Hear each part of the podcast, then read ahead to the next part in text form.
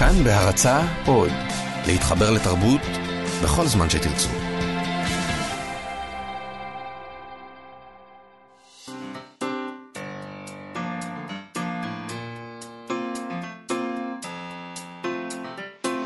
מה שכרוך עם יובל אביבי ומה יעשה לה. צהריים טובים, אנחנו מה שכרוך, מגזין הספרות היומי של כאן תרבות, תודה שהצטרפתם אלינו, איתנו באולפן נירה וקסלר ויוג'י גבאי וגם שרי שביט שתתארח אצלנו, כבר יושבת איתנו באולפן, אה, ושלום לך גם יובל אביבי. שלום גם לך, מאיה סלע, אז היום אנחנו באמת נדבר עם הסופרת והעורכת אה, שרי שביט. על הלילה האמריקאי שהתקיים ביום חמישי בבית התפוצות אה, בתל אביב, שהיא מנהלת האומנותית של האירוע הזה. וננצל את ההזדמנות, כי היא גם הייתה ביריד הספרים הבינלאומי בלונדון, אז נשאל אותה גם על זה. אה, יש המון רכילות שאי אפשר לדבר עליה, אבל נדבר גם על הרכילות שאפשר לדבר עליה. אה, נדבר גם עם דוקטור רודה ברמוך על אה, תרגומים מערבית לעברית, בעקבות כנס שהשתתפה בו אתמול שעסק בכך. אבל קודם כל נדבר על האינטרנציונל. היום האחד במאי, חג הפועלים, חג שבארץ כבר לא כל כך חוגגים, אני חושב. נכון, והוא אפילו נחשב כאן בחוגים מסוימים לדבר מתועב. אה, בוא נגיד שבינתיים הדת הקפיטליסטית ניצחה את הדת הקומוניסטית, אבל אולי עוד לא נאמרה מילה אחרונה, מי יודע. בכל אופן, האינטרנציונל. האינטרנציונל, המנון תנועת הפועלים, נכתב במקור בצרפתית בשנת 1871 על ידי איש הקומונה הפריזאית אז'ן פוטיה, אני בטוח אומר את זה לא נכון. הוא תורגם לשפות רבות, אה, ובחלקן זכה גם ליותר מתרגום אחד. אה, הגרסה הרוסית של השיר הייתה ההמנון הלאומי של ברית, ברית המועצות עד שנת 1944, והמנון המפלגה הקומוניסטית. ואת האינטרנציונל שרים לא רק הקומוניסטים, אלא גם סוציאליסטים ואנרכיסטים, שכולם מאוחדים בשאיפה להחריב את העולם הישן ולבנות תחתיו אה, אה, עולם חדש אה, וטוב יותר. הוא שר גם בתנועת השומר הצעיר, בנוער העובד והלומד, לצד התקווה ואני מאמין. אני לא יודע אם עדיין שרים אותו. שרים אותו גם uh, במשחקים של הפועל עדיין? לא, היו פעם עושים פתאום? דברים כאלה? לא נראה לי. היו עושים אבל את זה? לא, לא, לא ידוע לא? לי. בכל אופן, רציתי לדבר על התרגום שלו לעברית. Uh, הוא תורגם uh, לראשונה, וזו הגרסה שלדעתי מוכרת uh, יותר, על ידי אברהם שלונסקי כך. קום מתנער העם חיליך, עם עבדים ומזי רעב, אש הנקמות, הלב לחיך, לקראת אויב ייכון לקרב, עולם ישן, עדי היסוד נחרימה, מגב כפוף נפרוק העול, את עולמנו אז נקימה, לא כלום מתמול, מחר הכל. זה יהיה קרב אחרון במלחמת עולם, אם האינטרנציונל יאור ישגב אדם. ואנחנו שומעים את זה ברקע.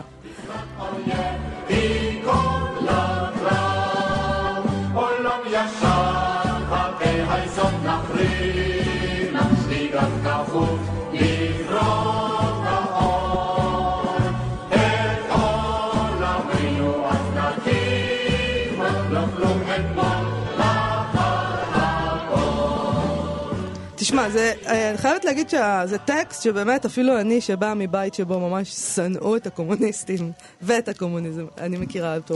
אני יכולה לשיר אותו ואני אפילו לא יודעת למה. כי ש... זה לא ששרתי אותו והייתי באיזה תנועת נוער מן הסוג הזה. אתה שומע את המילים האלה וגם את הביצוע ככה, ואתה אומר לעצמך, יאללה, בואו נעשה איזה מהפכה קטנה.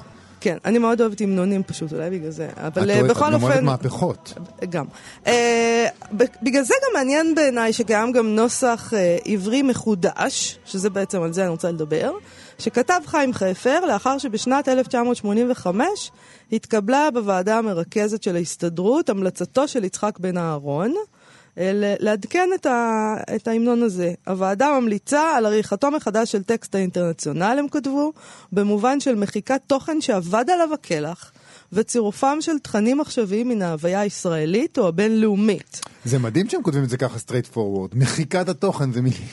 תמיד כשיש דיונים על ההמנון הישראלי, בשנים האחרונות פה ושם זה קורה, אה, על זה שהוא לא מתאים לכלל הישראלים, בגלל שהוא מדבר על נפש יהוד יומייה, וחלק מהישראלים אינם יהודים, אנשים מתנהגים כאילו אי אפשר להחליף המנון, כאילו ההמנון ירד אלינו עם לוחות הברית. גם אני, זה, נראה, זה קצת קשה לי הרעיון הזה של להחליף את ההמנון. תמיד יש לי איזו תחושה פרימיטיבית קצת, שהמנון זה כמו קעקוע. אולי היית אידיוט כשעשית אותו בגיל 16, אבל הוא שם, אה, וכדאי שתחיה איתו בשלום. אבל הנה, החליפו את הטקסט של האינטרנציונל. אה, הטקסט של חיים חפר העז לכתוב מחדש, כאילו לתרגם בעצם אחרי שלונסקי. הוא כזה, קום עם עובד, הרם דגליך, מן השדה, מן הסדנה. כל הרעב, שלום ולחם, הוא אך איתך על האמונה.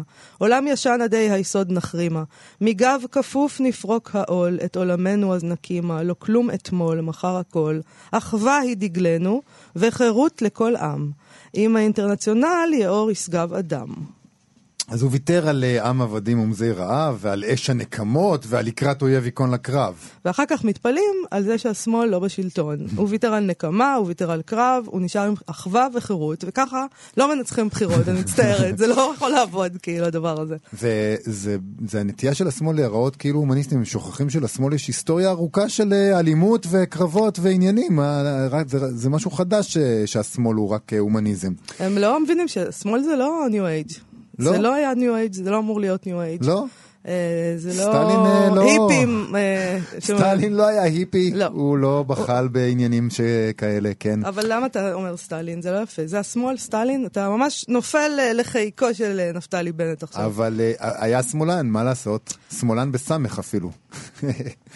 אה, אני רוצה להגיד שבכלל, מלבד אה, אה, עולם ישן עדי יסוד נחרימה, מגב כפוף נפרוק העול, את עולמנו אז נקים על אוכלום אתמול מחר הכל. והשורה האחרונה עם האינטרנציונל יאור ישגב אדם, מדובר תכלס בשני שירים שונים לחלוטין. זאת אומרת, מי שקורא את האחד, אה, אה, לא יודע, כי אי אפשר לדעת מה המקור. ו, והמצב גם לא משתפר כשמסתכלים על... על תרגומים לאנגלית, יש כל מיני תרגומים לאנגלית של הדבר הזה, ואתה קורא אותם, וגם כן, אנשים עושים עם זה מה שהם רוצים. יש תחושה שלוקחים את השיר הזה ו- ומשתמשים בו כדי להעביר מסרים פוליטיים, ומשנים אותו לחלוטין. אני הסתכלתי על המקור, הצרפתית שלי עקומה מאוד, אה, אבל מהמעט שאני רואה שם, ומתרגומים שונים של האנגלית שכן מצאתי, אני חייב להודות שנדמה לי ששלונסקי יותר דומה למקור. וחפר קצת באמת נחמד מדי עם המילים שלו. מה שדה, מה סדנה, איזה, אין דברים כאלה במקור בכלל. אנחנו מדברים פה על מלחמה. שדה וסדנה. טוב, אה, איתנו באולפן הסופרת והעורכת שרי שביט, שלום לך. אהלן, מאיה ויובל. ביום. חמישי התקיים במוזיאון העם היהודי, לא פחות מכך, בבית התפוצות, אירוע בשם לילה אמריקאי. מדובר בהפנינג ספרותי מוזיקלי אמריקאי-ישראלי שהשתתפו בו בין השאר ניקול קראוס, אשכול נבו, שי צברי, גם רועי חסן ושלומי חתוקה שלנו, ונועם פרטום שלכם. ונועם פרטום שלנו, ויערה שחורי, ודנה ברגר, ובועז כהן. אה, ספרי לנו מה זה הדבר הזה, לילה אמריקאי. למה לילה ולמה דווקא אמריקאי? קודם כל, כשאמרת העם היהודי, אני מיד אה, התחלתי, כל החושים שלי התעוררו, זה הרי כל כך, העם- כל כך העם היהודי, סקסי. כן. וזה בדיוק העניין, כי מוזיאון העם היהודי בעצם משנה את פניו ומשתדרג. אה. מתיחת מותג וגם מתיחת תכנים עמוקה. למשל, יש שם תערוכה מאוד מאוד מעניינת וגם יפיפייה עיצובית עכשיו, שנקראת הומור יהודי, שסוקרת הומור מימי העת העתיקה ועד לימי סיינפלד, וודי אלן וסטנדאפיסטים שבעצם אה, שינו, אה, שינו את ההומור באמריקה. וסביב התכנים האלה, שגם נוגעים באופן טבעי לתכנים ספרותיים, אה, הוחלט לעשות איזה הפנינג ספרותי במוזיאון, ואז ככה נקראתי על הדגל ביחד עם סדנאות הבית וכאן תרבות, ויצרנו מין שיתוף פעולה מדליק, שהחוויה אמורה להיות קודם כל לילה. למה? כי למה צריך ללכת לאירועי ספרות ב-10 בבוקר בבית אריאלה כשאנשים עובדים? כי למה צריך ללכת להשקות ספרותיות בשבע וחצי, שאנשים צעירים עם ילדים לאו דווקא יכולים להתפנות? בואו בערב, ביום חמישי, שאתם לא עובדים יום אחרי זה, גם תכתבו, גם תשתתפו בכיתות אמן, גם תשמעו שידורי רדיו חיים, גם תצפו בפאנלים עם סופרים, וגם תישארו להופעה מוזיקלית. וכל הרעיון זה הגם וגם וגם הזה בכרטיס אחד, כדי שבאמת... כל אחד הולך למה שמעניין אותו. בא לך לראות את רועי חסן? מגניב. את נועם? אבל מה, אחלה. על מה, למה, מה זה אמריקאי? למה בדיוק, אמריקאי? בגלל שהתערוכה והתכנים של המוזיאון אה, מאוד מאוד מושפעים ומאוד מאוד מתכתבים עם יהדות אמריקה מאז ועד היום. יהדות אמריקה, ובכלל אמריקה זה בעצם היבשת מעצמה אה, מותג שהשפיעה הכי הרבה, אני חושבת, על אה, תרבות העם היהודי, ואני חושבת שזה גם נהיה יותר ויותר חמור. כלומר, אם אנחנו ילידי ה-80's גדלנו על כל מיני טלוויזיה אמריקאית, מוזיקה אמריקאית, מוזיקה אמריקאית, אז היום, teenagers, היוטיוב והווירליות שאנחנו לא הכרנו כילדים היום, זה התוכן, וגם התרבות כמובן מפציעה שם. אה, והלכנו על ה linkage הזה. ו- ורעננו, כלומר, מעבר לזה שיש סופרת אמריקאית שכותבת על ישראל ויש לה קשר ענייני עם אה, יהדות ועם ישראליות, אמ, הלכנו דווקא יותר על משוררים ואמנים וסופרים צעירים, זמרים. מה אמריקה בשבילך? מה זה הדוד שם בשבילך? וכמה שירים עוד תוכל לכתוב על אמריקה? ודרך המקום הזה יוצאים ל- לכל מיני אז זה התנסויות. יותר על ישראלים שמדברים על כתיבה בהשפעת אמריקה, בדיוק. מאשר על אמריקאים נכון. שמדברים על, אה, על אה, מה זה ישראל בשבילם. יש בעצם פאנל אחד שידברו בו באנגלית אה, על אמריקה מנקודת המבט האמריקאית, שזה אשכול נבו שהוא מדבר עם ניקול קראוס על ספרה האחרון, ובכלל על ספריה ועל הקשר היהודי-ישראלי. למה לסופרת אמריקאית שחיה במנהטן לכתוב סיפור שמתרחש בישראל עם גיבורה בדמותה הישראלית, ומה עניינים איתך בעצם? בכלל הייתה לפני כמה חודשים כתבה של אלעד ברנועי במוסף, אה. במדור הספרים, סליחה, של שבעה לילות. לילות, על זה שישראל היא, היא, היא נושא מאוד אה, מרכזי כרגע, לפי טענת הכתבה, ב, ב, בכתיבה האמריקאית-יהודית אה, הנוכחית. הם מאוד מאוד... ואחד הדברים שאתה חש, במיוחד לנח... לנוכח הנתק, נגיד נקרא לזה, שמזהירים מפניו מפני יהדות ארצות הברית לבין ישראל, זה שהם אומרים לעצמם, טוב, אנחנו נכתוב את ישראל שלנו, אנחנו לא צריכים את העזרה שלכם הישראלים, היהודים מישראל, תודה רבה, אנחנו נעשה את זה בעצמנו. ואף יותר טוב כביכול, עם איזה נימה כן. התנשאותית אולי אפילו. אמ, בדיוק על הדברים האלה, הפאנל שניקול קראוס יתמקד בהם וידבר עליהם, אני חושבת שהפאנל הזה, בין אם ירצה ובין אם לא, ילך לכיוונים פוליטיים, כן? ברור. זה, זה מאוד, זה הפוליטיקה של התרבות, כן? זה הפוליטיקה של הגדרת הזהות. שאר המפגשים שבראנו, שבראתי, אני פחות בעניין של פאנלים אינטלקטואליסטים אה, קצת מרדימי קהל, כשאני עורכת אירועים ספרותיים. אני בעניין של להוציא מה שאפשר, כן, במידת היכולת, יחד עם אה, אה, איכות, כן? אה, להוציא קצת fun מכל העניין הזה של ספרות ובוא נצא מהבית לאירוע ספרותי. כלומר, לראות את נועם פרטום מבחינתי מדברת על מה זה אמריקה בשבילה בשירה. כן, ועל מי היא גדלה ולמה, ולמה כל המקצב שלה הוא בעצם פופ אמריקאי בשירה שלה, למשל, בשיחה עם יערה שחורי, שיכולה לדבר על נורה עפרון חודשים, זה בעיניי קצת יותר מרענן ואולי יותר מזמין ו- ו- ומדליק, מאשר להיכנס למקומות האינטלקטואליים שהם מאוד חשובים, והם עוברים אחלה בכתבה למי שרוצה לקרוא אותה, ולא תמיד עוברים מגניב מול קהל, וכולנו היינו באירועים כאלה שאנחנו יושבים ואנחנו אומרים, oh my god, זה נושא מעניין, אבל למה בא לי כבר או לסמס בוואטסאפ, או ללכת להכין סנדוויץ', או להיות בגואה בזה הרגע עכשיו, ולא בפסטיבל. לפצח זה רק בגלל שאין שם אלכוהול, תגישו אלכוהול, אז אנחנו. מגישים אה, בירה, אוקיי. ועוד. כל מיני דברים, אבל אה, בירה זה נכון. אמריקאית, או- בירה, לא, בירה ישראלית למדי. אה, לא- לא הלך בעניין הזה, אבל אני חושבת שיש הרבה על מה לדבר, וגם האיך הוא מאוד מאוד חשוב בעניין הזה. ואחרי זה, כמובן, הפסטיבל יקנח במופע מוזיקלי של שי צברי, שהוא מבצע שירים של כותבים יהודים, מאבן עזרא ועד בוב דילן, דרך יהודה עמיחי ואף הוא עצמו. וזה גם מופע שהוכן במיוחד לאירוע הזה, ונראה לי יהיה, אני פשוט חולת שי צברי, ואני רק שומעת את הקול שלו, אני מיד באיזה בכי בלתי נשלט בקטע טוב, אז נראה לי זה גם יהיה משהו ששווה לראות. בואי נדבר קצת על לונדון, נשאר באווירה בינלאומית, אבל לונדון. מעולה, מאמריקה לאירופה המערבית.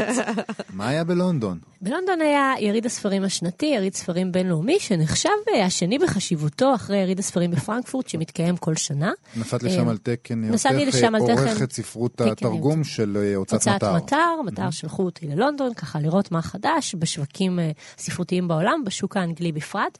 כמובן שמבחינתי הוא יריד הרבה יותר מוצלח אה, מפרנקפורט, פשוט כי הלוקיישן שלו הוא כל כך משכנע, בוא ניסע ללונדון לדבר על ספרים, או בוא ניסע לאיזה עיירת הייטק גרמנית ונדבר על ספרים. אה, אז נורא נורא שמחתי לנסוע. בעניינים מקצועיים, קרו לי שם כמה דברים מאוד מאוד מצחיקים. מעבר לזה שספרים הסחר בספרים, כן? לא הכתיבה והעריכה שלהם, לא מעשה האמנותי, לא המקום שהם נובעים ממנו, אלא העיסוק בלקנות אותם ולתרגם לתרגם אותם זה dirty business, רבותיי. זה חטיפות, זה פוליטיקות, זה מרפקים, זה קשרים, זה דברים שמשנה לשנה, אני רק שנתיים ככה בעולם המולות, כשאני נכנסת לזה יותר ויותר, אני אומרת, האם יש לי את האופי לזה? אני, אולי אני עדינה מדי, אולי אני, החזות של הנמשים והזה, זה לא משרת את ההוצאה. זה נורא נורא... אבל מה שכן גיליתי שם, א', אמ, יש סוכנות ספרותית שקוראים לה דוד גרוסמן. דיוויד גרוסמן, אייג'נסי, זה לא דוד שלנו, שזכה בפרס ישראל מי היה וכתב קודם? נאום איזה מרגש. דיוויד היה קודם? מעניין מי אמ, זה הדוד גרוסמן השני. אני, זהו, אני רציתי לבדוק, פשוט לא הספקתי, אבל את יודעת, כל היריד מתרחש במין מרכז כנסים כזה, ואת הולכת משקובית לשקובית, ויש לך המוני פגישות אה, בשעה, ואת צריכה ככה לדבר על ספרים, להקש... אני מהמקום של הלקוח, להקשיב לפיצ'ים, לראות מה מעניין, לקחת חומרי קריאה וכולי. וכל פעם עברתי ככה ליד הבוץ שלו, של דוד גרוסמן, ואמרתי, בן אדם, גם דיוויד באוי, שהוא גילה ש... שיש זמר בשם דיוויד באוי, דיוויד ג'ונס, סליחה, זה היה השם את המקורי. שלו, הוא המציא דיוויד באוי ואמר, אני לא אעשה בדיוק אותו דבר. מישהו מכם צריך לסגת כאילו מהעניין הזה. מישהו היה וזה לא יהיה חייב... דוד שלנו. סליחה, שלנו עד לא. כאן, אני מצטערת. להפך, ואולי זה דווקא מקדם אותו, אני לא יודעת. אני כן, לא הם עבדתי באים עם האג'נסי ומצפים הזאת. אה, לפגוש את גרוסמן. אה, אין לי מושג אפילו מאיפה הוא בעולם, אבל יש כזה דבר. דבר נורא אה, יפה נוסף שקרה שם, שעולים במעליות ככה בתוך המרכז כנסים ומתזזים בענייני תוכן, והבחור שעומד בתוך המעלית, יש נער מעלית כזה, מנומס כזה, מתוקתק, שלוחץ על הקומות, את מבקשת איזה קומה והוא לוחץ. שאת, ברגע שאת יוצאת מהמעלית זה מיד ג'נין, כן? זה מיד כאילו מקום מטונף ומלא אנשים ונורא לא מטופח, אבל המעלית זה כאילו אנגלי. וראיתי שהוא קורא ספר. כאילו, הוא תוך כדי הקומות עומד במעלית במשמרתו, בחור בטח סטודנט צעיר, וקורא ספר. מיד צילמתי אותו וזה, ואמרתי לו, מה, מה אתה קורא? זה נראה לי, הוא קרא ספר, ספר של דברה לוי, אה, סופרת אנגליה שלא מזמן גם הייתה מועמדת לבוקר לפני שנה, אה, ספר מוקדם שלה, ככה גם מין ספרות נשים upmarket, מה לך ולזה? נורא הסתקרנתי. אה, והספר ראה אור בהוצאת פינגווין, ואז הוא סיפר לי על הדבר הבא. כל מי שקצת קורא באנגלית או מכיר את עולם הספרות, יש לו כמה עותקים של ספריית פינגווין בבית. לרוב זה קלאסיקות, זה הג'יין אוסטין הראשון שקראת, זה כל מיני כאלה, זה הצ'ארלס דיקנס. הם יצאו בהוצאת פינגווין, שהוצאה מאוד מאוד נחשבת וחשובה ב-UK ובעולם, שאחרי זה נהייתה פינגווין רנדום האוס, והיום היא אחת המעצמות ששולטות בשוק הספרים האירופאי. שורה תחתונה, אה, פעם אה, מכרו עותקים פגומים, קוראים לזה hurt Penguin, בפאונד. במין בסטה כזה מחוץ לרשתות החנויות ספרים הכי חשובות באנגליה. וכל מי שהיה לו hurt Penguin היה מביא אותו מתנה כזה לווטרסטון, שזה הצומת ספרים שלהם, והיו מוכרים את זה בפאונד, והיית קונה את זה בבושה, כי כאילו או זה עותק פגום, או שהוא נורא משומש והעטיפה כבר מתקלפת. היום הספרים האלה נמכרים בסכומים מטורפים, הם פריטי אספנים, כי זה מהדורות ראשונות מלפני 60 ו-70 שנה, אפילו יותר, של הג'יין אוסטין הראשון שקראת. מדהים. בקיצור, הבחורצ'יק הזה פירק את הבית של סבתא שלו שמתה בלונדון, ומצא פשוט ערימות של ה-hurt penguins, כי היא הייתה פרולטרית והייתה קונה אותם בפאונד. והוא הביא אותם איתו, הביא אותם איתו ליריד, ומכר אותם לכל מיני סוכנים ואספני ספרים, ואנשים, תראו מה קניתי, מצאתי על מלחמה ושלום, וזה, שכאילו מסתובבים אחד עם השני, היום זה הכי וינטג', הכי קלט. אולי יום והשאיר לעצמו אחד שיהיה לו מה לקרוא. פשוט אולי סיפור יום מדהים. אחד זה יהיה ככה אותו דבר עם העותקים הישנים האלה של ספרייה לעם של עם עובד. בטוחה, אני, אתה יודע כי יש משהו? לנו ערימות של הדברים האלה. הלוואי וזה יהיה. הלוואי והעם עובד כשם גנרי למולות בארץ לא תטבע ותקרוס, אה, אלא, אלא פתאום תהיה לה תחייה מחודשת וזה יהיה קול. כן. לקרוא, לקרוא הזקן והים. תגידי לי. משהו, סוי. אה, את יכולה לספר מה קנית, או שזה לא נהוג? אני יכולה בטח. מה. שכבר נסגר, נסגר. מה שאתה עוד במרפקיאדה אתה לא מדבר. אוקיי. אה, קודם כל, אה, קנינו ספר חדש ומעניין, רומן גרפי שכתב ח'אלד חוסנו, שהוא- ח'אלד חוסני, שהוא סופר הבית שלנו, רודף עפיפונים וכל הרבה מכר האלה. אה, והפעם הוא, הוא כתב ספר אחר. קודם כל זה רומן גרפי. הוא יעוצב וייארז כמו ספר ילדים לאדולטס, למבוגרים. אה, קוראים לו Sea Prayer, תפילת הים. והוא נכתב בהשראת uh, התמונה הזאת שכולנו זוכרים, של הילד הסורי הקטן, בן כן. השנתיים שלו, שנסחף לחוף, והאימג' הנוראי הזה של פליטים ומלחמה, שמאוד מאוד רלוונטי למה שרק קורה ומידרדר בעולם מאז. Uh, והוא כתב על זה סיפור fictionalized, כלומר הוא המציא סיפור בעקבות זה עם איורים מאוד מאוד יפים. וכל ההכנסות שלו בכל העולם בעצם אה, הולכות לתרומה למען פליטים בארץ ובעולם, כלומר גם אנחנו תורמים את חלקנו, אז זה ספר ששמנו עליו יד ואנחנו מאוד מרוצים, כי הוא גם נורא יפה אומנותית והוא גם אחר והוא גם חברתי. ולא תמיד יוצא לך לעשות אה, דברים חברתיים כמו"ל, כי אתה נורא צריך לשרוד את זה, כן? אתה צריך כל הזמן להכניס כסף כדי לשרוד בתעשייה שאין בה כסף, והנה פרויקט ככה יפה.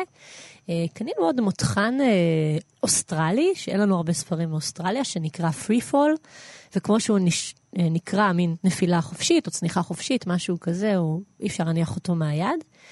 אמ, ועוד כמה ספרי עיון בתחום הכלכלה שאני פחות מבינה בהם, יש כי לי, אני יש בענייני לי פרוזה. שאלה, אבל נגיד המותחן האוסטרלי הזה, את מסתובבת במקום הזה, שיש שם פשוט היצע מטורף. נכון. איך את בוחרת? איך את דווקא אותו לקחת ליד? כן. מה? כאילו? קודם כל, אה, תמיד יש את הספרים המדוברים בכל יריד, יש את ה highlights, והם מגיעים הרבה לפני היריד. יש דברים שמחכים לעשות pitch ספציפי ביריד, לדברים שככה כולם מחכים להם ויודעים שיהיה, שתהיה התנפלות, למשל, ביריד הזה היה, כולם נורא נורא עמדו בתור לקרוא ארבעה, שבעה, שלוש עשר עמודים מתוך ספרו של צ'ארלי קאופמן, שהוא הבמאי של שמש נצחית בקול צלול, ו Being John Malkovich והסרטים האלה המופתיים. הוא כתב אה, רומן fiction, ועורכים שהיו מעוניינים בספר הזה, והוא מתאים לשוק שלהם מכל העולם, עמדו בתור, הכניסו אותם לאיזה חדר סודי, נתנו לכל אחד כמה עמודים. אתה קראת 14 עמודים? למה אני קראתי רק את הארבעה הראשונים? כאלה, אוקיי? ספציפית את מטר זה פחות השטח שלנו, אז אני לא עמדתי בתור, אבל ראיתי את זה קורה, זה, זה ה highlight. מדהים. של, שביריד עשו ממנו עניין. רוב הספרים את קוראת קודם, בוחרת קודם, הפגישות, היא יכולה גם לקנות קודם. הפגישות האלה נועדו לשימור קשרים, לפעמים לסגור עסקה ספציפית, אה, לפעמים לחטט בבקליסט, אולי פספסת משהו ושם יהיה משהו מעניין. לפעמים הקטלוג שלך, את אומרת, אוקיי, הוצאתי המון ספרות היסטורית השנה, עכשיו אני רואה, רוצה את הקט פרסון הבא. אני באופן אישי לא רוצה את הקט פרסון הבא, אבל מישהו אחר, כן, אני רוצה ספרות חדשה, קולות צעירים, משהו אחר שעוד לא קראתי. פתאום מישהו אומר לך באיזה קטלוג סיני, יש פה איזה היפסטרית שלפני שנתיים פרסמנו לה ספר שדווקא מאוד הצליח והזכויות עדיין פנויות, ואולי פתאום עכשיו הוא יהיה רלוונטי. כלומר, תחיית המתים לא מתקיימת הרבה במו"לות, אבל לפעמים היא קורית ואז זה נפלא, כי אתה פתאום מרגיש שגילית אוצר. תגידי, אגב, אגב, קט פרסון, אה, שזה, למי שלא מכיר, זה סיפור שסופ- אה, שפורסם בניו יורקר, שעשה אה, שערורייה גדולה ונהיה ויראלי בגלל שהוא מתעסק בהטרדה מינית. נקרא לזה הקווים האפורים של הטרדה מינית, למרות שאסור להגיד אפור בהקשר שלו, כי זה מיד הופך לדיון על מה אפור ומה לא. אה, אנחנו קראנו בזמן אמת שבלונדון, שהיריד בלונדון נורא הושפע מתנועת המיטו, שהיה המון המון עיסוק בתכנים אה, פמיניסטיים, בתכנים נשיים, בספרות נשית, היה המון מאבק על עוד הדברים הרבה האלה. מלפני היריד, הייתי מקבלת מיילים על מיילים של פיצ'ים מסוכנויות בארץ ובעולם, שפתאום המילה פמיניסט, או משהו שקשור אליה בהטיה כלשהי בכותרת, בין אם זה ספר עיון ובין אם ספר לא. וזה הורגש גם ביריד באמת? אה, ביריד עצמו פחות, אני פחות הרגשתי את זה, אבל לאורך כל החודשים האחרונים, מאז ההתפוצצות הזאת של קט פרסון, ועד עכשיו והלאה. ואני גם חושבת שזה, שזה ישפיע לטוב ולרע גם על הספרות שלנו, זה אופנות. זה כמו שכולם אה, במשך כמה שנים, אחרי רודף העפיפונים למשל, רצו לכתוב על המדינות האלה, מה קורה שם באוזבקיסטן, פקיסטן במלחמות וזה. סוריה, מתחילים להגיע הרבה מאוד ספרים שמדברים על סוריה, מצרים, האביב הערבי וכל מיני. יש אופנות, ואנחנו חיים בעולם, חשופים לעולם, והאופנות יגיעו גם אלינו. תודה רבה לך, אה, שרי שביט, שגם אה, אה, עורכת התרגום בהוצאת מטר, וגם נזכיר עורכת אומנותית של לילה אמריקאי ביום חמישי בבית התפוצות בתל אביב, באוניברסיטת תל אביב. תודה שבאת אלינו. תודה לכם. להתראות. אה, אתמול התקיים במרכז מינרווה באוניברסיטת תל אביב יום עיון בנושא השאלה היהודית-ערבית, שפה, דת וזהויות. אה, דנו שם בכל מיני נושאים מעניינים. אנחנו ביקשנו לדבר עם דוקטור הודה אבו מוך, שדיברה בכנס על תרגום מערבית לעברית ככלי לייצוג האחר. אה, דוקטור הודה אבו מוך היא בעלת תואר דוקטור מהאוניברסיטה העברית בירושלים, היא מרצה לספרות עברית באוניברסיטה הפתוחה, ועבודת הדוקטורט שלה אה, עסקה בתרגומים לעברית של שלוש מיצירותיו של אמיל חביבי, האופטימיסט, אחתיה ושריה בת השד הרע. היא עמיתת מחקר במכון ון ליר בירושלים וחברת מערכת בסדרת אה, מכתוב. אה, והיא חברה בחוג המתרגמים מערבית אה, לעברית. שלום, דוקטור הודה אבו מוך. שלום יובל ומאיה, מה שלומכם? אהלן, בסדר גמור, מה שלומך? בסדר, תודה. אז ספרי לנו בבקשה, איך בדיוק התרגום יצירות מערבית לעברית אה, זה דבר שמסייע לייצוג.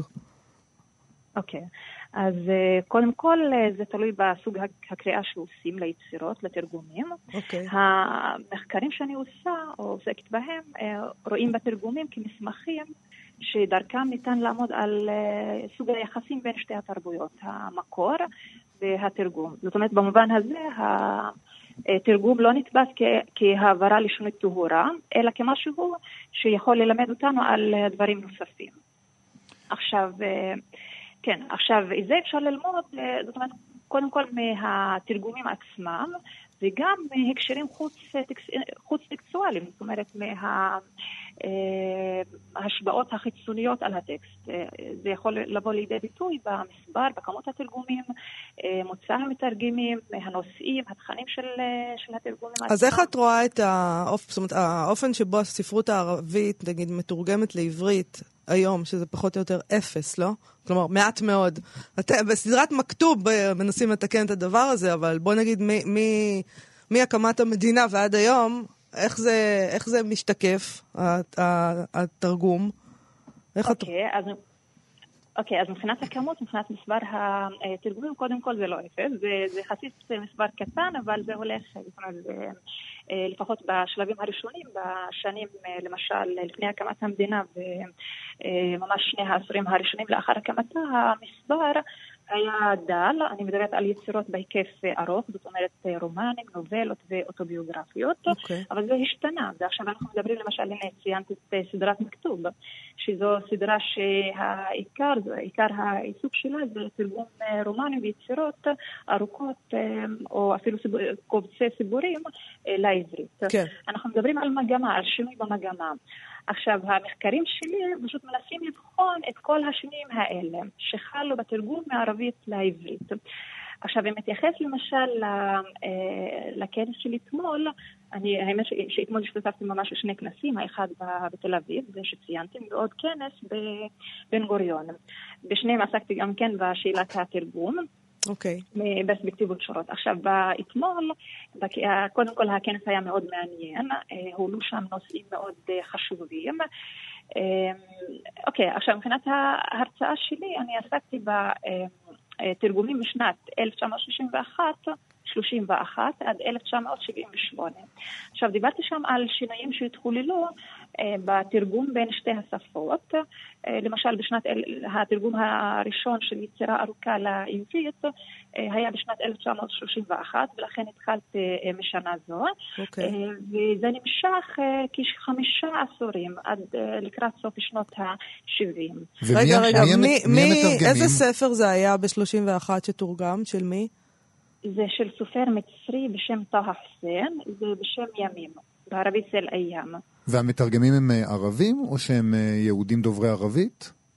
אה, יהודים ממוצא מזרח אירופי בעיקר, ולמדו את העברית באקדמיה, סליחה, את הערבית באקדמיה. אה, אוקיי? אז, והוא, זאת אומרת, התרגום הראשון נעשה בידיו של מנחם קבליוק, והוא תרגם עוד יצירות. עכשיו, השלב הזה התאפיין קודם כל בכך שהתרגומים היו תחת שליטתו של הממסד. אה, ניכרת ההשפעה, התפיסה האוריינטליסטית אה, של התרגומים. Mm-hmm. וזה בא לידי ביטוי גם, אה, קודם כל, מבחינת ההתייחסות של המתרגמים עצמם לטקסטים המתורגמים. כך למשל, ביצירה של...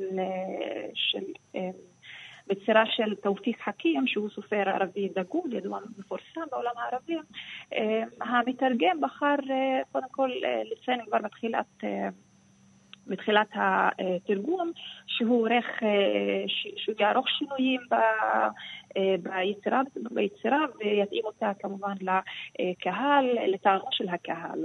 מה, איזה שינויים הוא ערך, למשל?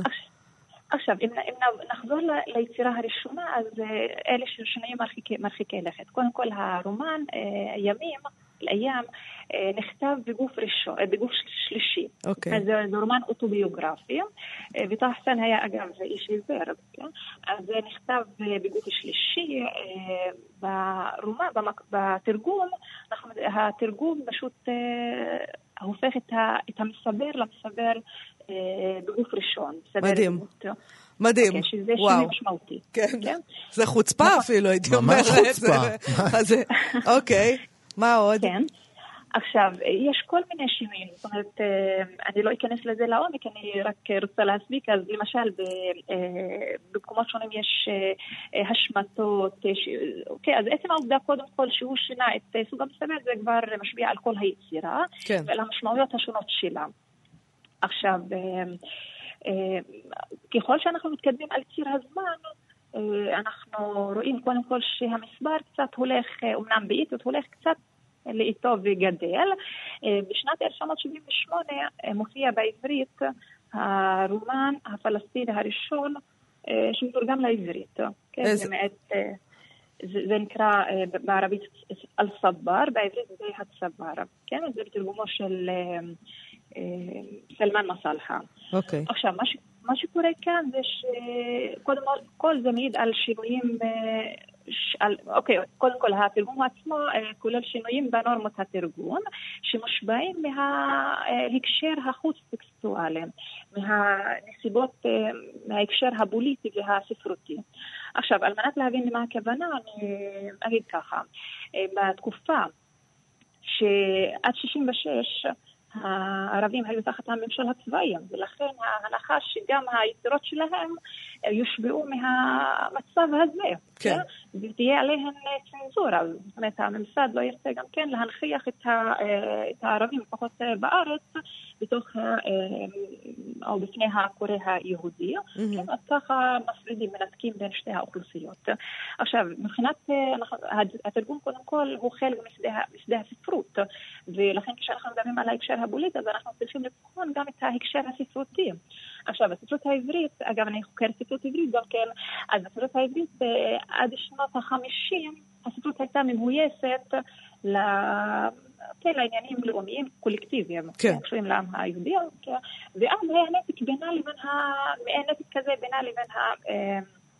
תרגומים מערבית לעברית.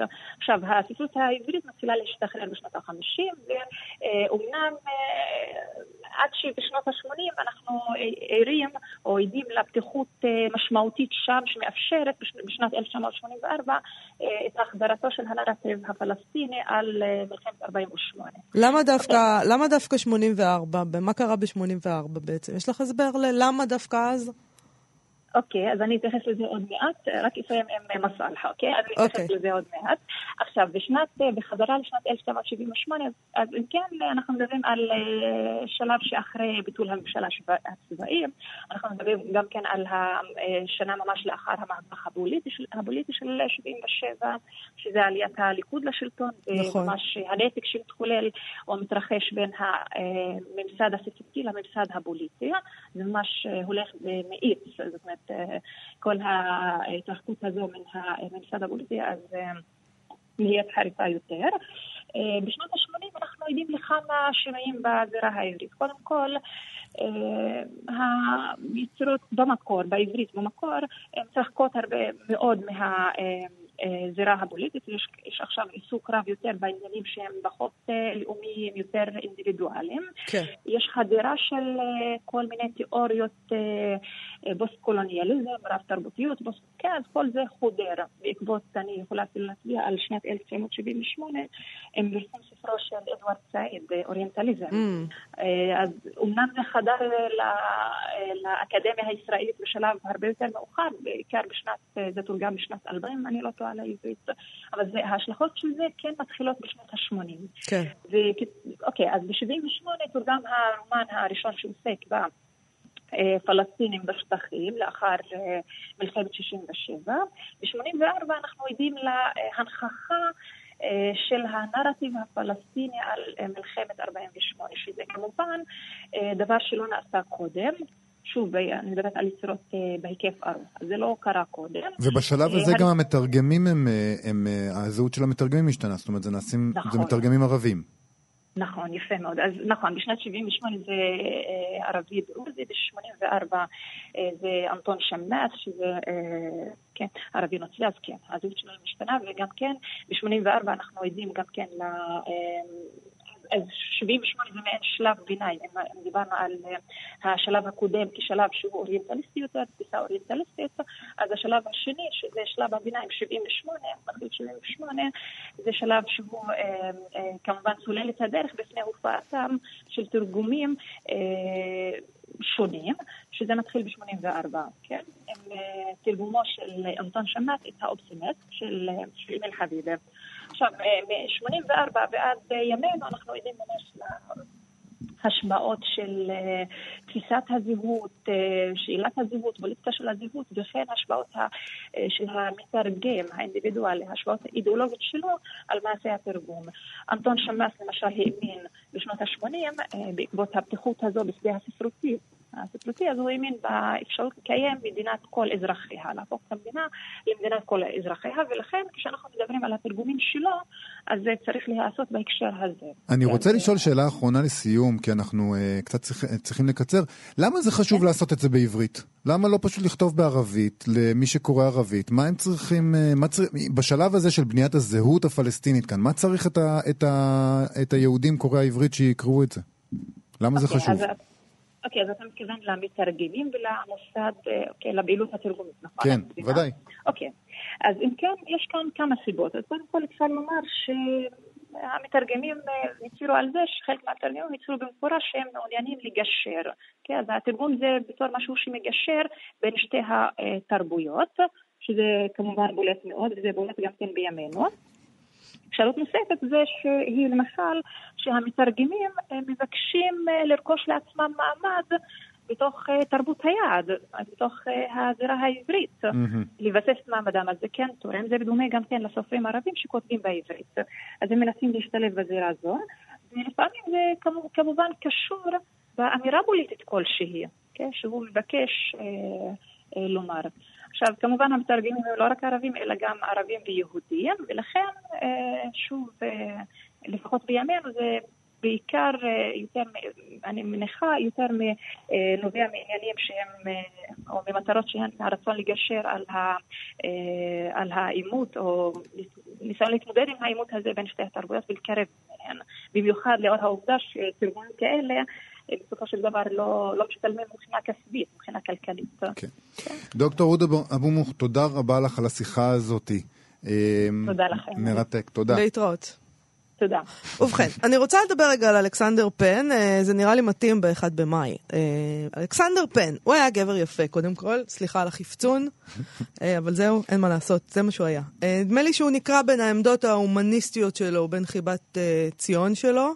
אה, לא ההומניסטיות, הקומוניסטיות. אמרתי הומניסטיות? לא, הקומוניסטיות. בכל אופן, אה, הוא ערך את המדור הספרותי בעיתון הקומוניסטי כל העם, דיברנו על זה אתמול, הוא היה חבר מ"ק, כי הוא היה קומוניסט, מה לעשות? צריך להגיד את זה. אה, כמיטב המסורת הישראלית, הוא הוחרם בשל העמדות האלה שלו, כי זה מה שאנחנו יודעים לעשות. להחרים. מכל צד שהוא. כשמלאו לו 50 שנה, אמר עליו נתן אלתרמן כך: לולא היה משתייך משורר זה למחנה בו הוא עומד, הרי ללא ספק היה חגו מקיף את כל החוגים הציבוריים, והיה הופך לחגה של השירה העברית החדשה. שירתו היא זרם בפני עצמו בספרות העברית, והביקורת הישראלית עוד תצטרך לתת דעתה ולחקור ביתר עמקות ופירוט את הזרם הזה שיסודו מרד. אה, עד כאן אלתרמן, מרד החברה הישראלית לא כל כך אוהבת משום, אה, משום צד. לא, שנלך אה, בתלם, זה עדיף. פן היה, אני חושבת שאלכסנדר פן, חוץ מזה שהוא היה קומוניסט, הוא גם היה בוהמיאן מדי, ו, ושיכור מדי, וניהליסט מדי בשביל החבר'ה פה בשנות החמישים. אני רוצה להקריא שיר של פן שנקרא ביטניק, אנטי שיר. הוא ארוך, אני לא אוכל להקריא את כולו, אבל אני אקריא חלק ממנו כדי להבין על איזה טיפוס פה מדובר. כן. הביטו, אני ביטניק, מפי ניתזת בשורת הגזע של נפילי האנטיתזה. השילוש הקדוש עמו הסכנתי, הרי הוא אנטי, אנטי, אנטי. פורע פרעות וחראי ללא חת, אנטי מספר אחת. ממיס נשיקה בצחן שיניים, אנטי מספר שניים. אתגר לנבלת חירותכם הקלושה, אנטי מספר שלושה. אלוהים שלי היה זעיר בורגני, אך לא מפניו גורשתי מגני. לא מפני שום חווה, לא מפני שום תפוח, לא מפני שום נחש, הלחשש הנפוח. עזבתיו מרצוני כדי עד שנות שיבה, לרוץ על עצמי בדרכי העזיבה. ורצתי, את כל מאודי הרצתי, וגורלי במו יחפותיי נחרץ איתי. אני פאר יצירת הבורח, אני הרודף ואני הבורח, ומאז פורק ועובד מטעני, אני רץ אחרי האני. וזה זה... נמשך עוד, זה מקסים. זה מדהים, וזה גם אה, אפי ככה, זה, זה נותן תחושה כזאת נורא דרמטית. טוב, אנחנו עוד מעט, אה, עוד שנייה ממש צריכים לסיים, אז לפני זה אנחנו רק אה, נדווח שהספר אה, כפר סבא 2000 של ג'וליה פרמנטו הוא הספר שזכה בתחרות מועדון הקריאה של Time Out תל אביב בשיתוף עיריית תל אביב-יפו. אה, זה היה הצבעת גולשים והתגברה על רווקים ואלמנות של ירמי פינקוס, פתח גדול מלמטה של אסתר פלד, זוכת פרס ספיר, ברכת התנינים של בועז יזרעאלי וארבעה אבות של אמיר זיו. אה, בקרוב מבטיחים בטיימות אה, יערכו סביב הספר אה, אירועים שונים שקשורים לעלילה שלו. זה נשמע קצת מלחיץ אה, לנוכח העובדה שפרמנטו כותבת בספר על נערים שרוצחים נער אחר, אבל אנחנו מקווים שהאירועים האלה יסתיימו בשלום. והסוף, אם אכן יגיע בשלום, יהיה מפגש אה, עם ג'וליה פרמנטו במהלך אה, אירועי שבוע הספר.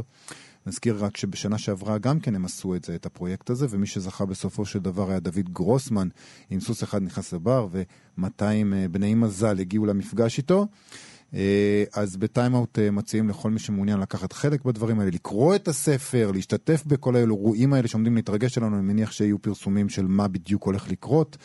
הם אה, גם מפרסמים את הפתיחה שלו, אבל אנחנו, אין לנו זמן לקרוא אותה, אנחנו פשוט ניפרד בעצם, נכון? נכון. אז נגיד לכם תודה האזנתן והאזנתם לנו. מדהים. נהיה פה גם מחר בשעה 12. אה, אל תשכחו להשאיר, להשאיר, להוריד את אפליקציית כאן עוד עם כל התוכניות שלנו ועם עוד מגוון תכנים מעניינים. אה, חפשו את כאן אודי בחנויות האפליקציות, אה, ואם אתם רוצים תעשו גם לייק לעמוד שלנו, מה שכרוך עם יובל אביבי ומה יעשה לה. תודה רבה לירה וקסלר וליוג'י גבאי, להתראות. להתראות.